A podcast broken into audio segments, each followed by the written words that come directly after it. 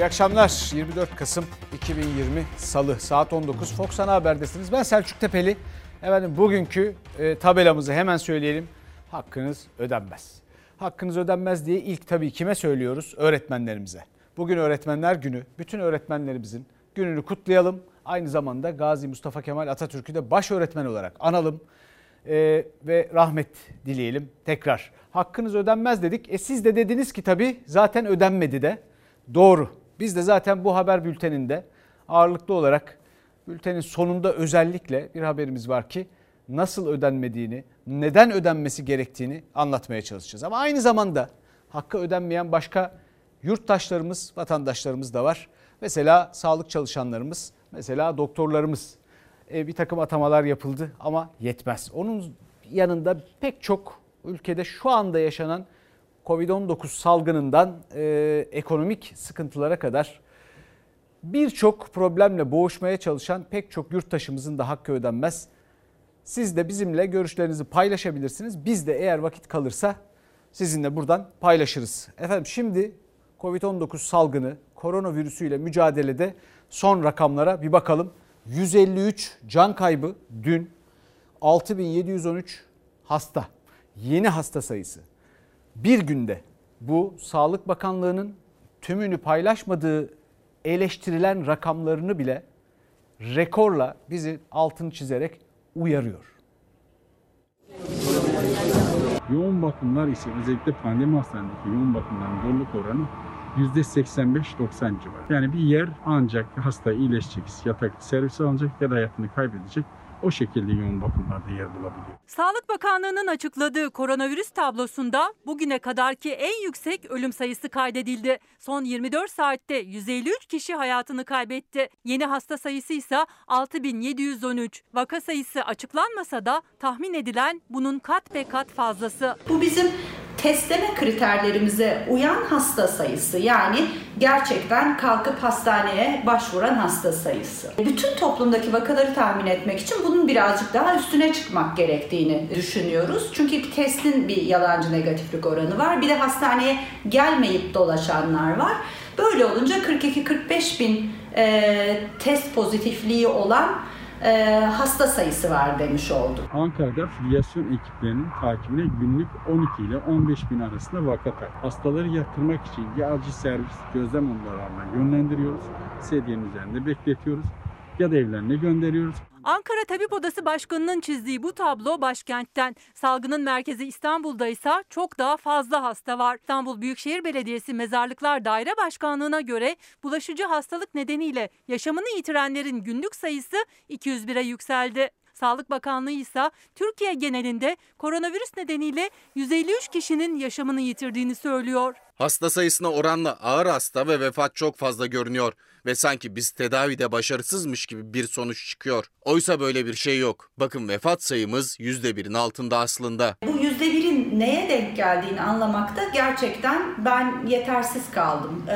%1 153 ee, mü yüzde bir yoksa 153'ten fazla da başka bir şeyin yüzde biri mi? Gazeteci Fatih Altaylı'ya konuşan Sağlık Bakanı vefat sayısının yüzde birin altında olduğuna dikkat çekmişti. Ancak enfeksiyon uzmanları oranın neye göre verildiğine anlam veremedi. Çünkü tabloda ölüm sayısının 100 katına yani 15 bine denk gelen bir veri yok. Hastadaki ölüm oranı mı? Hastadaki ölüm oranı ise gerçekten çok düşük bu. Çünkü hastadaki ölüm oranları %2,5-3 civarlarında seyreder. Bunu anlamakta gerçekten yetersiz kaldığımı, bu %1'in 153 olup olmadığını öncelikle, 153 ise 15 binin neyi temsil ettiğini bulamadığımı ifade ediyorum. Bir kez de ben sormak istiyorum. Sayın Sağlık Bakanı'na ölüm oranınızla ilgili yüzde bir derken neyin yüzde birinden bahsediyoruz? Eğer 153 vefat vaka hasta sayısının yüzde biri ise şu anda açıklanan hasta sayısının iki katından fazla bir sayıya ulaşıyoruz. Onun dışında başka bir şeyse biz bilmiyoruz. Biz bilmediğimiz gibi belli ki hekimler, doktorlar da bilmiyor. E dolayısıyla aslında bir soru daha var neden Türkiye'nin kendi verileri, özgün verileri hekimlerle paylaşılmıyor? Neden onların araştırma yapmasına izin verilmiyor? Çünkü e akıl akıldan üstündür. Biz bir kolektif zeka ile bu salgını aşacaksak, yeneceksek onlara ihtiyacımız var ama herkes hekimleriyle, bilim insanlarıyla paylaşırken biz kendi özgün verilerimiz üzerinden bir araştırma yapamıyoruz.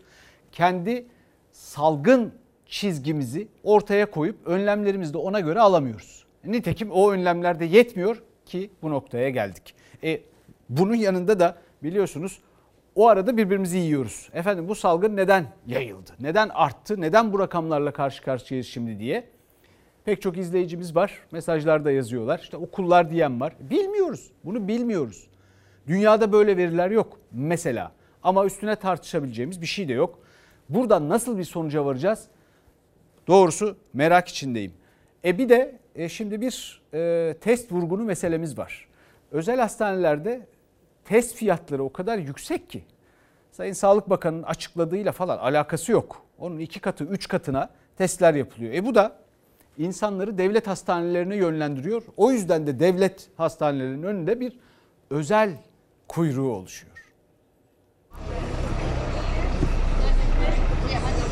Burada sıra beklemektense ayağım dibinde hastane var oraya giderdim. Koronavirüs test ücretini öğrenmek isterdim. 550 lira. Devlet hastanelerinin önündeki koronavirüs testi sırası uzadıkça uzuyor. Özel hastanelerin yanına ise hala yaklaşamıyor çoğu hasta. Sağlık Bakanlığı test ücretinin 250 lirayı geçmeyeceğini hatırlatsa da o tavan fiyata hala uymuyor bazı özel hastaneler. Denetimse belli ki zayıf. Çünkü telefonda bile yüksek test fiyatını rahatça söyleyebiliyor özel hastaneler. Ben size direkt ücreti söyleyeyim. Türk vatandaşı hastalarımız için COVID PCR testi bu hani pozitif mi negatif mi Evet. bakılan süreçteki tutar 550 lira. Ne var bu ücretin Sadece içinde? test ücretidir bu. Muayene ya da ekstra bir tahlil tetkik bulunmuyor. Doğrudan sadece COVID PCR test fiyatı bu. Sağlık Bakanı 250 lira olacak demişti. Ee, Şu an henüz İstanbul için bizim hastanelerimizde bir genelge yayınlanmadı.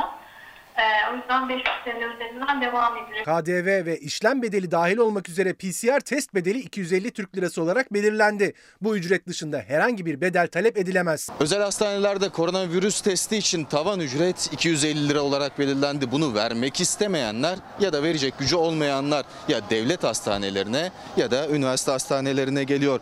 Burada sıra beklemeyi göze alıp testlerini yaptırıyorlar. Özel hastanede test fiyatlarını biliyor musun? 250 lira. Durumum yok. O yüzden buraya geldim. Zaten 250 liralık tavan fiyat bile çok yüksek. Volkan Albayrak da test yaptırabilmek için İstanbul Bahçeli Evler'den toplu taşımayla yaklaşık bir saatlik mesafedeki devlet hastanesine gitti. Oysa çok yakınında bir özel hastane var. Karşılayabileceği bir test fiyatı olsaydı toplu taşıma aracına da binmesi gerekmeyecekti. Siz nereden geldiniz buraya? Bahçelievler. Ne kadar sürdü yolunuz? Bir saat falan sürüyor. Test ücretini öğrenmek isterdim. Hangi il için arıyorsunuz? İstanbul Bahçeli Evler 500 için. TL. Peki bu sadece test ücreti mi başka bir şey var mı 500 liranın içinde? 3 tane test var içerisinde. Biz Evet, sadece test yaptırmak istesek Paket şeklinde yapılıyor. Muayene ücreti paket fiyat ya da buna benzer bahaneler buluyor özel hastaneler. İtiraz edildiğinde de bize ulaşan bir tavan fiyat yok yanıtını veriyorlar hastalara. Sağlık Bakanı 250 lira demişti tavan ücret. Yok yok bizim bütün şubelerimiz 550 lira. Ali Onur Tosun kardeşim her imkanı denedi. Ayağımız alışsın dedi filan ama bir yere varamadı gördüğünüz gibi. Bu teste hiç geri adım yok fiyatlarda. Sonra efendim işte ya bana biri anlatırsa sevinirim. Böyle nasıl bir devlet mekanizması işler? Evet bir genelge yayınlıyorsunuz. Yayınlıyor musunuz, yayınlamıyor musunuz? Bu özel hastaneler bunu duymamış. Duymadık diyorlar. Böyle her şey soyut, sanal. Bir oyundaymışız gibi. Biliyorsunuz Farmville diye bir çiftlik oyunu vardı ya. Sonra birisi oradan dolandırdı milleti filan oradan ilham alarak. Onun gibi bir şey. Yani bir şeyler oldu gibi görünüyor ama olmamış da olabilir. Yani öyle bir şey. Dolayısıyla biz de böyle fiyatları o soyut efendim orada bir sanal bir ortam var ama biz onu çatır çatır ödüyoruz. O somut elle tutulur bayağı para. Böyle bir durum var. E, atama yapıyoruz mesela şimdi 12 bin sağlık çalışanı atanacağı açıklandı. Bu adeta şöyle kafanızda canlandırın. E, efendim biliyorsunuz böyle toplu taşıma araçlarında çekiçler vardır camı kırmak için acil durumlarda. Bu atama e, adeta öyle yapılıyor. Yani acil atama böyle camı kırarak atama yapılıyor. Gerçi henüz yapılmadı göreceğiz ama yeter mi? Yetmez. Ya bu çocuklar yani bu insanlar bu sağlık çalışanları, hekimler, hemşireler, hasta bakıcılar, bütün görevliler çocuklarını göremiyorlar aylardır. Bu bu kadar geç mi yapılmalıydı ve bu yeter mi? Yetmez. 4 saatlik Covid'den dışarıya çıktık. Şu an botumu çıkartıyorum. Botumun içindeki suyu görüyorsunuz. Emek, emek. Alın teri bu. 12 bin sağlık personelini alacağını duyurmasını olumlu buluyoruz. Ancak 12 bin sağlık personeli özellikle Covid'in zirve yaptığı bu dönemde sahanın ihtiyaçlarını karşılamaktan oldukça uzaktır. Bizim e, aylardır söylediğimiz personel eksikliği e, meselesini ne yazık ki Sağlık Bakanlığı anlamamış durumda. Çünkü bir taraftan e, her gün onlarca arkadaşımız e, COVID pozitif olup sahadan çekiliyor ve aynı zamanda bunların yerini dolduran çalışan arkadaşlarımız hem yorgun hem tükenmiş halde. İhtiyaç çok daha fazlasıydı ama Sağlık Bakanı Fahrettin Koca 14 branşta 12 bin sağlık personeli alınacağını duyurdu. Bu sayının 7 bine hemşire, 1700'ü ise ebe. Canla başla çalışan sağlıkçılara göre yükü hafifletmeye yetmeyecek. Alanda en fazla ihtiyaç duyulan e, meslek grubu hemşire. 7 bin hemşireyi Türkiye'deki hastanelere eğer bölecek olursak e, bir ya da iki hemşire anlamına gelir. Yani her gün hastanelerimizde 10-15 e, hemşire arkadaşımız pozitif olup çekildiğini düşünecek olursak bu sayı hiçbir şekilde bizim e, ihtiyacımıza cevap vermez. Hastanelerin yoğun bakım kapasiteleri neredeyse doldu. Korkarım bir süre sonra hastanelerde hastaları yatıracak yer kalmayacak. İzinlerimizin iptal edilmesi, istifaların yasaklanması sağlık personeli eksikliğinin had safhada olduğunun göstergesidir. Hastanelerdeki yoğunluk yalnızca yatak ihtiyacını değil, sağlık personeli ihtiyacını da arttırdı. Özellikle de uzun mesai sonrası büyük özveriyle ter içinde kalan hemşireler hastalara yetişemiyor. Sağlık Emekçileri Sendikası'na göre hasta başına düşen hemşire sayısında Türkiye Avrupa ülkelerinin çok gerisinde. Onlar 100 bine 900 hemşire istihdam ederken biz 100 bin nüfusa 300 hemşire istihdam ediyoruz. Gerçekten bu sağlık sistemini hala sağlık çalışanları ayakta tutmaya çalışıyor ama onlar da bir yere kadar. Ülkemizde 500 bin üzerinde sağlık mezunu arkadaşlarımız var. Bu zor günlerde sağlık için kaynak ayırıp kadro açamıyorsak ne zaman açacağız? Atama bekleyen yüz binlerce sağlıkçı varken 12 bin atamada karar kılındı. Hazırlıklar tamamlanınca başvurular ÖSYM tarafından alınacak ve mülakat olmadan hızlı atama yapılacak. Ödemelerin iyileştirilmesine ilişkinse yeni bir açıklama yok. Vergi kesintileriyle, nöbet ücretlerin ödenmez, ödenmemesiyle geçim sıkıntısı yaşayan sağlık emekçisi arkadaşlarımızın mali haklarının iyileştirilmesi anlamında e, adımlar atılabilir. Biz bunu talep ediyoruz Sağlık Bakanımızdan. Onları alkış, alkışladığımız günleri hatırlarsınız. Alkışladık ama hakkınız ödenmez. Nitekim hakkınız ödenmedi de. Ee, bunun için yani o kadar çok mesaj geliyor ki diyaliz teknikerlerinden doktorlarımıza kadar sıkıntılarını anlatmaya çalışan pek çok kişi, atama bekleyen pek çok kişi. Yani birilerinin elbette yani o biz miyiz, bizim ne sorumluluğumuz var, ne haddimize bilmiyorum ama gerekiyorsa birileri özür dileyecekse, bizim bir kabahatimiz varsa eğer yeterince paylaşıp duyuramadıysak biz özür dileyelim.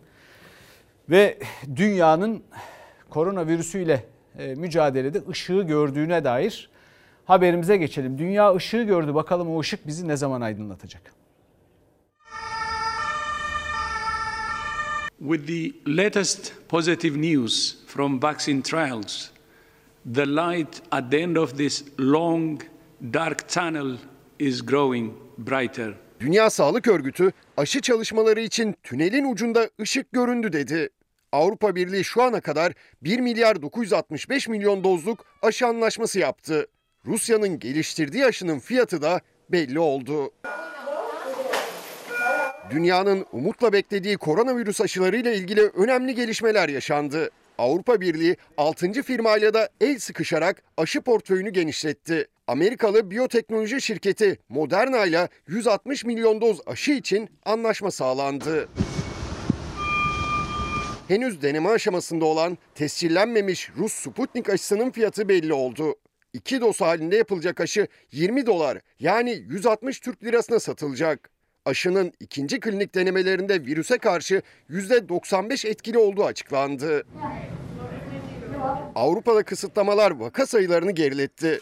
Ancak iki ülkede can kayıpları hala çok yüksek. İtalya'da son 24 saatte 630, Fransa'da 501 kişi yaşamını yitirdi. İngiltere'de 3 haftadır süren ulusal karantina sonuç verdi. Vakalar 20 binin altına indi. 2 Aralık'ta kaldırılacak kısıtlamalardan sonra bahara kadar 3 aşamalı normalleşme planı uygulanacak.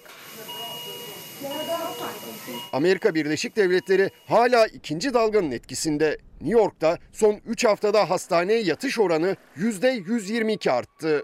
Şehir kısıtlamaları hiçe sayan bir kutlamaya sahne oldu. Bir Musevi düğünü için 7 bin kişi sinagogda bir araya geldi. Maskesiz yapılan yasal olmayan kutlama büyük tepki çekti. Şimdi dünyanın gördüğü ışıkta bir, bir fark ettiyseniz Avrupa Birliği e, aşı bununla ilgili gelişmeler var ve önemli rakamlar var. Şimdi biliyorsunuz biz bir 10 milyon e, aşı için e, Çin'den gelecek 10 milyon aşı için bir rezervasyonumuz olduğuna dair ve bunun ücretsiz dağıtılacağına dair müjdeyi aldık. Fakat müsaade ederseniz bir rakam paylaşmak istiyorum.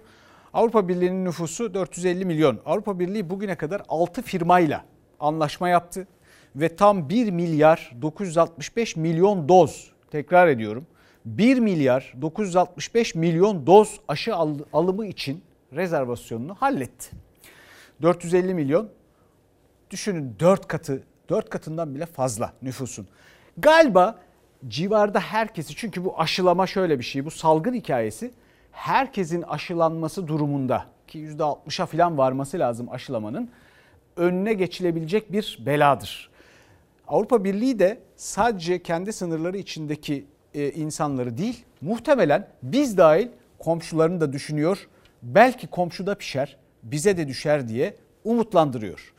Şimdi bir de siyasette korona tartışması var. Biliyorsunuz İstanbul Büyükşehir Belediye Başkanı Ekrem İmamoğlu birkaç gündür İstanbul'daki e, salgın nedeniyle, bulaşıcı hastalıklar nedeniyle hayatını kaybeden yurttaşlarımızın sayılarını paylaşıyor ve bu Türkiye genelinde Sağlık Bakanlığı'nın paylaştığı sayıların üzerinde. E bu arada da eleştiriliyor ve hedef oluyor. Şimdi en son eleştiren Devlet Bahçeli'ydi. Peki birilerinin bir takım verilere dayanarak başkaları paylaşmazken paylaşması durumunda acaba böyle mi yapılması gerekiyor? E şimdi yerel yönetimler işine bak deniyorum şeye de e, e, Ekrem İmamoğlu'na da. E, işinden kasıtın ne olduğunu ben tam anlamıyorum. Çünkü yerel yönetimlerin bir yetkisi falan da kalmış değil ki. Ne bina yıkabiliyorlar aldılar ellerinden merkezi hükümete verdiler. Ne inşaat konusunda işte bakandan daha yetkili değil istediği yeri Çevre ve Şehircilik Bakanı ki ben ona biliyorsunuz Kurt ve Kuzu Bakanlığı diyorum. E, çünkü çevreyi alıp işte kurda teslim ediyorsunuz. O istediği yerde istediği kat e, e, bir takım işte konutlar filan yaptırabiliyor. Hiçbir yetkisi bir şeysi kalmadı. E, bu arada da böyle bir salgın var. O da verileri paylaşıyor. E ne yapsaydı yani? İstanbul Büyükşehir Belediye Başkanı'nın bulaşıcı hastalık kaynaklı vefatlarla ilgili Sağlık Bakanlığı'nı tekzip eden laçka ve laüsel açıklamalarını itibar edilecek hiçbir yanı yoktur. Dün akşam bulaşıcı hastalıktan İstanbul'daki vefat sayısı 186. Ben şimdi ne yapayım yani? Susayım mı? Sağlık Bakanımızın canını dişine takıp geceli gündüzlü mücadele ederken belediye işlerinden başka her şeye dil uzatan, her konuda görüş bildiren bu kendini bilmezin maksadı nedir? Yoksa CHP zihniyeti virüsün buluşma hızından memnun mudur? Salgının merkez üssü İstanbul'daki korona kaynaklı vefat sayısı bakanlığın açıkladığı toplam sayıdan daha fazla diyen Büyükşehir Belediye Başkanı Ekrem İmamoğlu Devlet Bahçeli'yi öfkelendirdi. Kılıçdaroğlu da İmamoğlu'na destek verdi. Normal Kasım ayında bizim definimiz Allah rahmet eylesin İstanbul'da 200, 202, 190, 180 kişidir. Şu anda 450'ye doğru gidiyor. Bu kadar zor durumdayız. Nedir bu sefil CHP anlayışının isteği? Güçlü sağlık altyapısının kısa sürede çökmesini mi beklemektedir? Virüsün bir siyaset ve ekonomik krize yol açması, demokrasi dışı arayış ve özlemleri tetiklemesi mi arzulanmaktadır? Yalan söyleyen devletin itibarı olur mu Allah aşkına ya? Gerçek ölümleri gizleyip göstermelik rakamları açıklarsanız e, dünya size inanmıyor. Yalan yanlış bilgilerin paylaşıldığını ima ve iddia etmek virüs kadar tehlikeli bir siyaset kofluğudur. Önlemler yeterli mi? Daha fazlası olabilir miydi? Olabilirdi. Mesela ben kendi adıma hafta sonu biraz daha sert bir önlem isterdim. Sağlık Bakanı da tablonun vehametini aslında daha sert önlemler alınmalı ben de isterdim diyerek açıkladı. Ama MHP lideri Bahçeli alınan önlemlerin yeterli olduğunu söyledi. Muhalefetin korona ile mücadeleye yönelik eleştirilerine yanıt verirken İyi Parti lideri Akşener de karantina çağrısını yineledi. Burada Sayın Erdoğan'a bir kez daha sesleniyorum. Gelin en az 14 günlük bir karantina uygulayın. Aşı umuduna kadar Türkiye rahatlasın. Ama bunu yaparken işletmeleri ve çalışanları ayakta tutacak tedbirleri almayı ihmal etmeyin. Efendim Bülent Arınç biliyorsunuz e, Cumhurbaşkanlığı Yüksek İstişare Kurumu e, Kurulu'nun üyesiydi. Bunu da bir türlü doğrultamıyorum. Dün konseyi dedim, bugün kurumu dedim. Doğrusu kurulu. E, bunun neden e, beni şaşırttığını da birazdan geliriz. Fakat e, biliyorsunuz bir yargı reformundan bahsetti. Bir arınç açılımı gibi algılandı. Özel olarak da Osman Kavala ve Selahattin Demirtaş üzerinden konuşmasını argümante etti Habertürk televizyonunda. Sonra Kızılca kıyamet koptu. Kendisi bugün istifa etti. Cumhurbaşkanlığı Yüksek İstişare Kurulu'nun üyeliğinden. Ama onun öncesinde ne oldu? Onları da göreceğiz.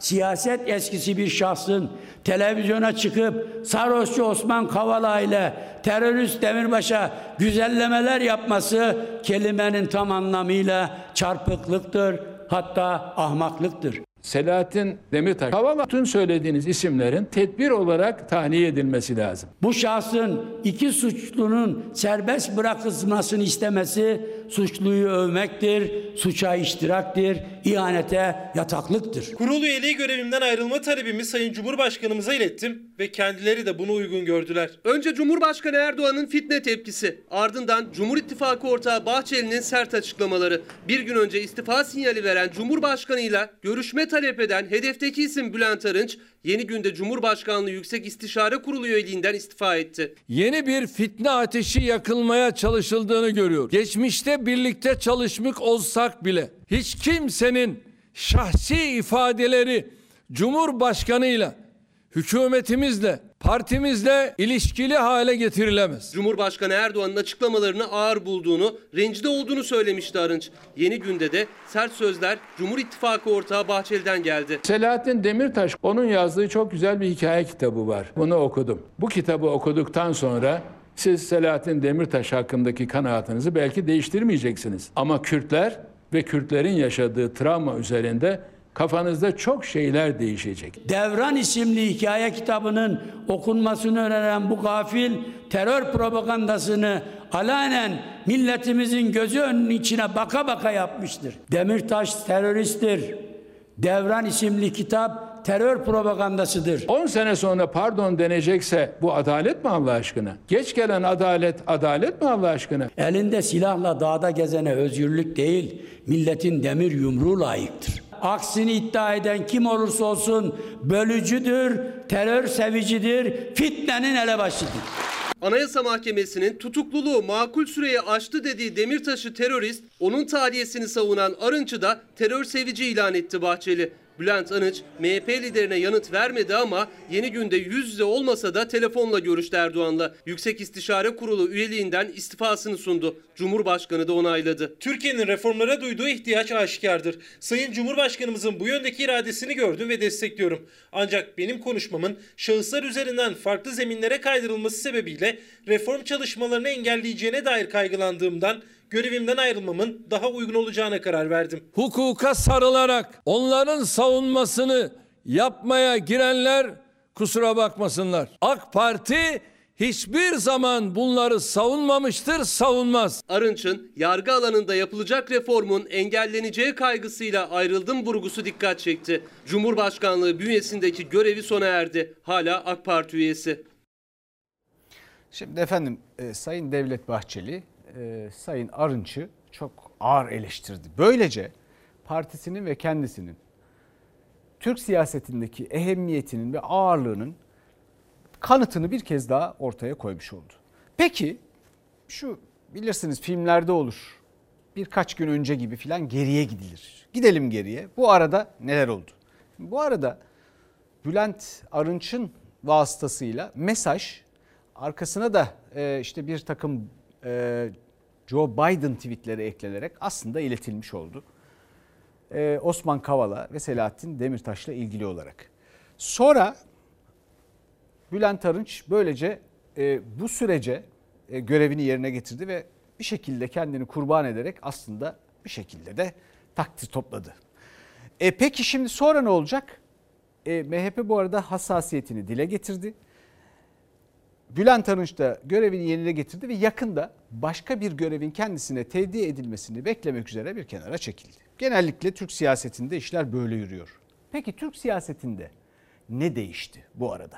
Yani bu reformlarla ilgili yargı reformundan bahsediliyor, ekonomiden bahsediliyor. Ne değişti? Biz bu arada nereye vardık? Bunu bilmiyorum. Bunu kimse bilmiyor. Zaten bunu birazdan ekonomiyle ilgili verileri de sizinle paylaşacağız. Dünya, piyasalar bunlar da galiba pek anlamadılar. Göreceğiz bakalım. Ama bu arada polemiklerde birbirini izliyor. Bu arada e, Sayın Bahçeli ile e, Sayın Kılıçdaroğlu arasında bir e, Alaaddin Çakıcı üzerinden dokunulmazlık polemiği yaşanıyor. Bugün o tartışma da çok sert geçti. Acil beklentimiz Kılıçdaroğlu hakkında düzenlenen fezlekenin genel kurula kısa sürede içinde intikal etmesi ve karara bağlanmasıdır. Eğer benim dokunulmazlığımı kaldırmazsanız namertsiniz. Vatan hainisiniz. MHP liderinin meclis başkanlığına yaptığı çağrıya birkaç saat sonra reste karşılık verdi Kılıçdaroğlu. İkili arasındaki dokunulmazlık tartışması da büyük, Çakıcı tartışması da. Alaaddin Çakıcı benim dava arkadaşımdır. Şehidimizin oğludur. Vatan ve millet sevdalısıdır. Sizden asla ve asla korkmayacağız biz. Kılıçdaroğlu anlar mı bilemem. Yine de söylemek durumundayım. Ülkücüden mafya, mafyadan da ülkücü olmaz olamaz. Bahçeli CHP liderini tehdit eden organize suç örgütü liderliği suçlamasıyla uzun süre cezaevinde yatan Alaaddin Çakıcı'ya bir kez de meclisteki grup kürsüsünden sahip çıktı. Alaaddin Çakıcı üzerine atılı suçların bedelini yaklaşık 20 yıl cezaevinde kalarak ödemiş bir ülküdaşımızdır. Alaaddin Çakıcı'nın bu devlete, bu millete nasıl hizmet ettiğini bilenler bilir. Bilmeyenler de kendileri bilir. Eğer meşru siyasi partiler yeraltı dünyasından, bazı mafya bozuntularından destek alarak kendi faaliyetlerini yürütebiliyorlarsa onlar Türkiye Cumhuriyeti Devleti'ne ihanet ediyor demektir. Alaaddin Çakıcı ve onun gibi arkadaşlarımız Kılıçdaroğlu sokağa çıkmaya korkarken onlar 31 diplomatımızı şehit eden Asala terör örgütünün peşine düşmüşlerdir. Böyle mafya bozuntularının belli siyasi partilerin desteğini alarak e, bize yönelik e, tehditleri asla ve asla dikkate almayız. Kılıçdaroğlu eğer mafya görmek, mafyayla tanışmak istiyorsa asıl mafya, asıl yeraltı dünyasının elemanı Demirtaş değil midir? MHP Kılıçdaroğlu hakkında teröre destek suçlamasıyla dilekçe vermiş, savcılık soruşturma açmış, CHP lideri hakkındaki fezleke jet hızıyla meclise gönderilmişti. Bahçeli fezleke genel kurulda okunmalı, Kılıçdaroğlu'nun dokunulmazlığı kalkmalı dedi. Yanıt reste geldi. Sizden mi korkacağım ben? Söyledim yine söylüyorum. Bir canım var memleketime feda olsun. Bayrağıma feda olsun, vatanıma feda olsun. Efendim biz bir haftadır 10 gündür işte bir takım reformları konuşuyoruz ama bir, taraf, bir taraftan da konuşamıyoruz. Niye? E çünkü araya böyle pek çok başka olay ve tartışma ve polemik giriyor. Tansiyon yükseliyor. Bu reformları bir türlü anlayamıyoruz. Muhalefetin de dilinde reformlar bakalım neyin reformuymuş. Sayın Erdoğan, ne sende bahsettiğin reformları yapacak siyasi irade var ne ekibinde bu reformları hayata geçirecek nitelik var. Hukuk ve ekonomi reformları işte bu yeni dönemin hazırlıklarıdır. Kendi koltuğunu kurtarmayı, bu millete reform diye pazarlamayı bırak artık Sayın Erdoğan. İhtiyaç duyulan hukuk, adalet, ekonomi, sosyal ve diğer tüm reformlar Cumhur İttifakı'nın ortak iradesidir. Bir siyasi iktidar 18 yıl sonra ben adalette reform, ekonomide reform yapacağım diyorsa 18 yılda ben bu ülkeyi batırdım. Şimdi düzeltmek istiyorum de- demek istiyor. Bu bir itiraftır. İktidarın hukuk ve ekonomi alanlarında reform söylemine muhalefet itiraf derken Cumhurbaşkanı'na hedef alırken yanıt Bahçeli'den geldi. MHP lideri reformları savundu. Sistem değişmeli çağrılarına tepki gösterdi. Cumhur İttifakı yaşayacaktır. Reformları birbiri ardına hayata geçirecektir. Atılacak adımlar belli. En büyük yapısal çözüm iyileştirilmiş ve güçlendirilmiş parlamenter sisteme geçmektir. İyileştirilmiş ve güçlendirilmiş parlamenter sistem özlemi çekenlere soruyorum. Onu bunu bırakın da mahremiyet içinde Türksüz anayasa taslağını nasıl hazırladınız? İP'in başkanı bu zillete nasıl ortak oldu? Bu ucube sistemin bizzat kendisi sorun üretiyor. Geçiniz bunları. Zillet mandacıdır, melanettir, vasi arayışındadır. Eğer Sayın Bahçeli kendi programına baksaydı, programının 41. sayfasında parlamenter sistemi savunduğunu yazıyor. Kendi programını okumaktan veya takip etmekten bile aciz. Ah Serok ah, özgüveni falan bırak. Herkes adam oldu da bir sen olamadın. Bu gidişle olman da imkansızdır. Muhalefetin sistem değişikliği talebine Cumhur İttifakı ortakları kapıyı kapatıyor. Ancak yeni reform tartışmasının gölgesinde özellikle yargıda atılacak adımlar Cumhur İttifakı'nı etkiler mi tartışması da kulislerde yaşanıyor. Arınç'ın Demirtaş ve Kavala çıkışı o tartışmayı alevlendirdi. Cumhur İttifakı ile ilgili akla hayale sığmayan çirkin dedikoduları esefle, hayretle ve ibretle takip ediyoruz. Şimdi benim merakım iktidarın küçük ve diğer yani Sayın Bahçeli ile Sayın e, Perinçek'in ne diyeceği konusu. Fitne oldu mu bunlar anında uykusundan uyanmış yılan gibi başlarını kaldırırlar, ortalığa saçılırlar. O pis ellerinizi Cumhur İttifakı'ndan derhal çekiniz. Size buradan kemik çıkmaz. Cumhur İttifakı yaşayacaktır. Sistem tartışmasının gölgesinde atılacak reform adımlarını konuşuyor siyaset. Bahçeli de Erdoğan gibi Cumhur İttifakı'nın bozulmayacağını ısrarla söylüyor.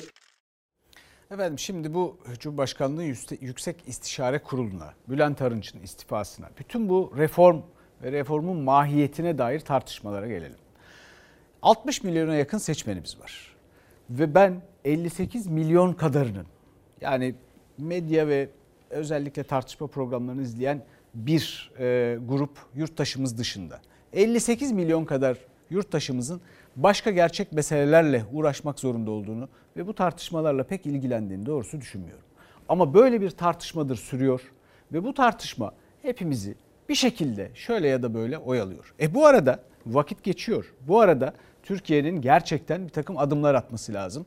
Bu adımlarla ilgili de dünyanın izlediğinin farkında olması lazım. Oluyor mu? Onu göreceğiz, zaman gösterecek. Birazdan zaten dolar yine 8 liralara geldi. Bakalım neler olacak. Ama çok ilginç bir başka gelişme yaşandı bu arada. E, Galip Ensarioğlu biliyorsunuz e, eski AK Parti milletvekili hakkında terörle ilgili bir soruşturma açıldı. Buradaki evle edepli konuş, edepli konuş, terbiyeli ol.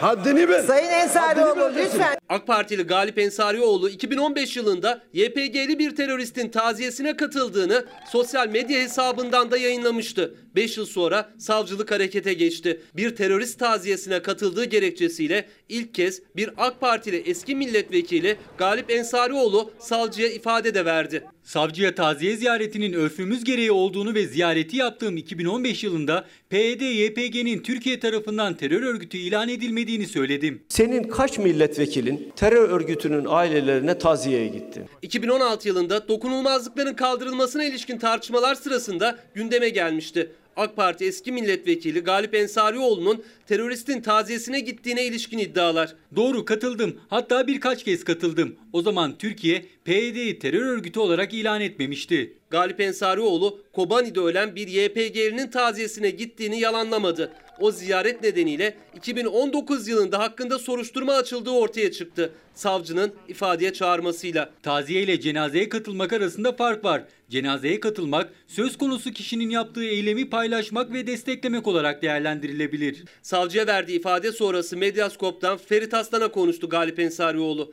Taziye ayrı, cenaze ayrı dedi. 2015 yılında Türkiye'nin YPG'yi terör örgütü olarak ilan etmediğini söyledi. Bir AK Partili eski vekil hakkında YPG'li teröristin taziyesine gittiği için soruşturma açılması da ilk oldu. Evet bir izleyicimiz demiş ki bu ülkeyi kuranlar baş öğretmen Gazi Mustafa Kemal Atatürk ve öğretmenler ülkenin kalkınmasına emek verip hakkı adaletsizce gasp edilenler. Bir başka izleyicimiz de okul öncesi her gün okulda sınıflar buz gibi diyor. Bununla ilgili pek çok başka mesaj da var. Aman buna dikkat kış gününde. Ee, bir de EYT'liler her zaman öğretmenlerimizin yanında olacaktır demişler EYT'liler. Ee, hem kendi isimlerinden bahsettirip hem öğretmenler gününü anıyorlar. E, bir izleyicimiz de esnafa lütfen yardım edin demiş. E şimdi tam onunla ilgili bir haberimiz var. Temmuz 2018'de vergi gelirinin %10'u faiz ödemelerine gidiyordu. Ama bugün %20'si bir avuç faiz lobisine gidiyor. Yüksek faize yatırımcımızı ezdirmememiz gerekiyor. Enflasyonun anası da babası da faizdir diyor. %15 faiz artırımını eğer siz onayladıysanız bu ülkenin insanlarına niçin bugüne dek yanlışta ısrar ettiğinizin açıklamasını yapmak zorundasınız. Ülkemiz artık şahlanış dönemine giriyor. Biz de sanıyorduk ki bizim için, vatandaş için söylüyor. Meğer tefeciler için söylüyormuş. Şahlanış dönemine girdik diye.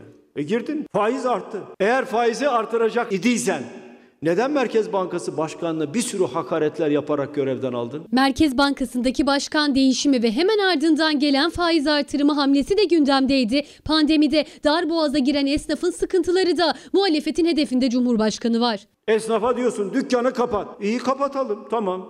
Neyle geçineceğiz? Diğer devletler ne yapıyor? Kapat kapalı kaldığı süre içinde kirasını ben ödeyeceğim. Pandemi kapsamında açıklanan tedbirler karşısında yandaş sermayedarlar dışında hiçbir destek sunulmayan esnaftan üreticisine, çiftçisine herkes iflas ile baş başa bırakıldı. Ekonomik göstergelerle bir kez daha gerildi iktidarla muhalefet attı. %15'e çıkarılan faizin faiz lobilerini sevindirdiğini ama borç batağındaki esnafın yarasına merhem olmadığının altını çizdiler. Akşam 20'den sonra 155 bin tekel bayi var. Binlerce bakkal var. Binlerce.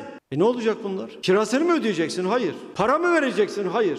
Dükkan kapalıysa kirasını devlet ödeyecek. Ha bunları yapmadılar mı? Sandık önüne gelecek. Dersini vereceksin. Ömrü boyunca devletten aldığı maaş dışında tecrübesi olmayanların kürsülerden esip gürlemeleri teneke tıngırtısının ötesinde bir anlama sahip değildir. Biz diyoruz ki hükümete el insaf. Ekmek kapıları kilitli.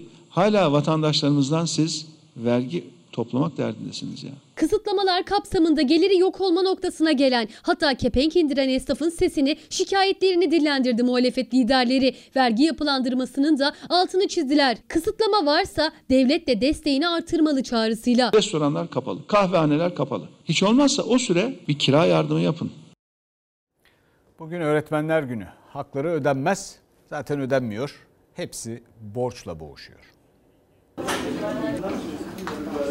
Pazarda çalışan öğretmenler arkadaşlarımız var. Ee, kuru yemişte çalışan arkadaş, markette çalışan arkadaşlarımız var. Çocuklarım tabii ki soruyor yani baba sen öğretmensin neden öğretmenlik yapmıyorsun da kağıt topluyorsun gibi. Ben de takdir ilah ediyorum yani. Gün öğretmenlerin günü ama onlar için haklarına ulaşamadıkları diğer günlerden bir farkı yok. Kimi ek iş yaparak geçinmeye çalışıyor, kimi atanma umudunu kaybetti, kağıt toplayarak ailesinin karnını doyurmaya çalışıyor. Söz verilen 3600 ek gösterge ise bir öğretmenler gününde daha vaat olarak kaldı. Hala haber yok. Yarım milyonu aşkın arkadaşımız atamasının yapılması için bekliyor. 101 bine aşkın arkadaşımız sözleşmeli olarak güvencesiz göreve başlıyor. Kirasını ödeyemeyen, ek iş yapmak durumunda kalan, şu anda bilgisayarı olmayan öğretmen arkadaşlarımız var. Bilgisayarı interneti olmadığı için sadece öğrencilere uzak kalmadı eğitim. Geçim sıkıntısından dolayı bilgisayar alamayan, internet faturasını ödeyemeyen öğretmenler de var. Eğitim işin anketine göre %75'i borçlarının yüküyle giriyor derse %26'sı ise ek iş yapıyor. Çocuğunu okula gönderen bir öğretmen düşünün. Şimdi pandemi koşullarında eğer iki çocuğu varsa bunlara bilgisayar alacak, internet bağlayacak. Bu ihtiyaçların Milli Eğitim Bakanlığı tarafından karşılanması gerekir. Öğretmene soracak bilgisayarın var mı, internetin var mı? Aynı sınıflarda aynı iş yapıyoruz. Aynı çocukların yaşamına dokunuyoruz. Ücretli ya da sözleşmeli öğretmenler aynı işi yapıp daha az kazanıyorlar. Çalar Saat'te İsmail Küçükkaya'nın konuğu olan Eğitim Sen Başkanı Feray Aytekin Aydoğan gibi CHP lideri Kemal Kılıçdaroğlu da meclis kürsüsünden adaletsizliğe dikkat çekti. Kadrolu öğretmen var. Ücretli öğretmen var. Sözleşmeli öğretmen var. Aynı derse giriyorlar.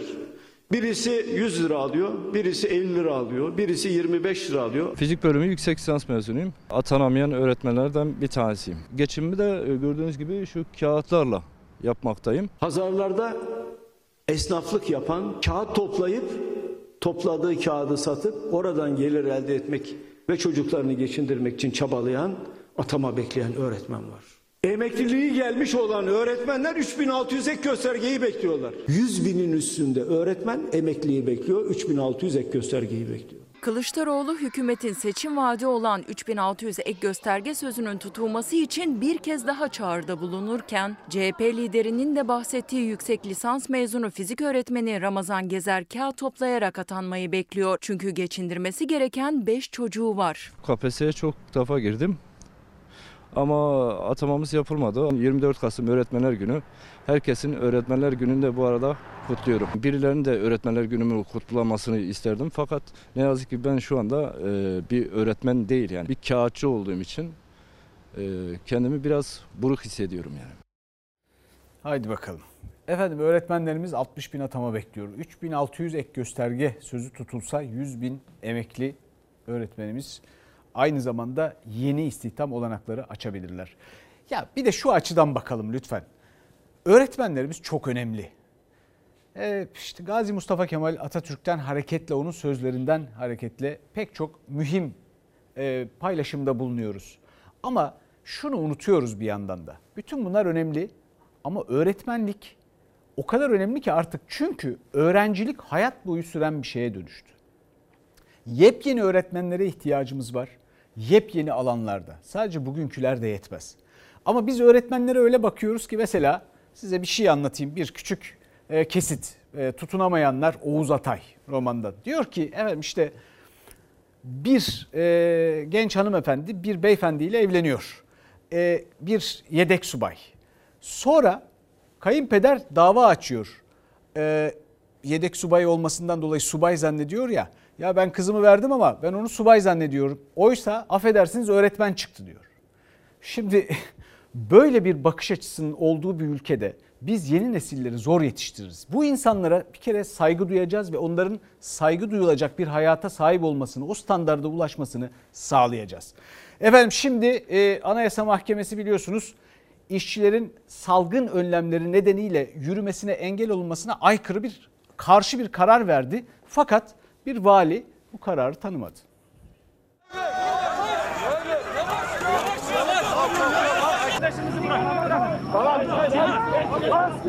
İşten çıkarılan metal işçileri Ankara'ya yürümek istedi, polis müdahale etti. İşçi ve sendikacılar yaka paça gözaltına alındı. Beyler gözaltı beyler. Beyler. Kocaeli Dilovası'nda havalandırma endüstri sanayi fabrikasında çalışan işçiler anayasal haklarını kullanarak Birleşik Metal İş Sendikası'na üye oldu. Patron iddiaya göre toplu sözleşme isteyen sendika üyesi 46 işçiyi önce ücretsiz izne ayırdı ardından bazı işçiler işten çıkarıldı. Onlarca işçi yüz kızartıcı suçtan dolayı tazminatsız olarak işten çıkartıldı. Yüz kızartıcı suçu da ne biliyor musunuz?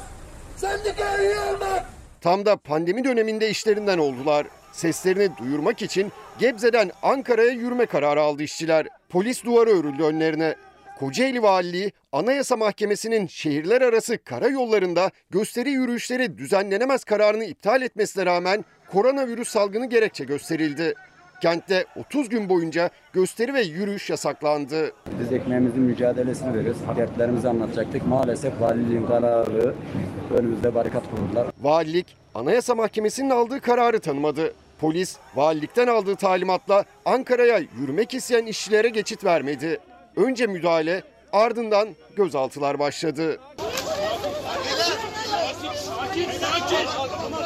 99 işçi ve sendikacıyı yaka paça gözaltına aldı polis. Kalan işçilerin polis barikatı önündeki bekleyişi ise devam ediyor. Karaman'ın Ermenik ilçesinde uzun süredir kıdem tazminatları ve ücretlerini alamayan maden işçileri de 85 gündür nöbette. Ermenek kaymakamı ve Karaman valisiyle yapılan görüşmelerden sonuç çıkmadı. Madenciler alın terlerinin karşılığını almak için 25 Kasım çarşamba günü Ankara'ya yürüme kararı aldı.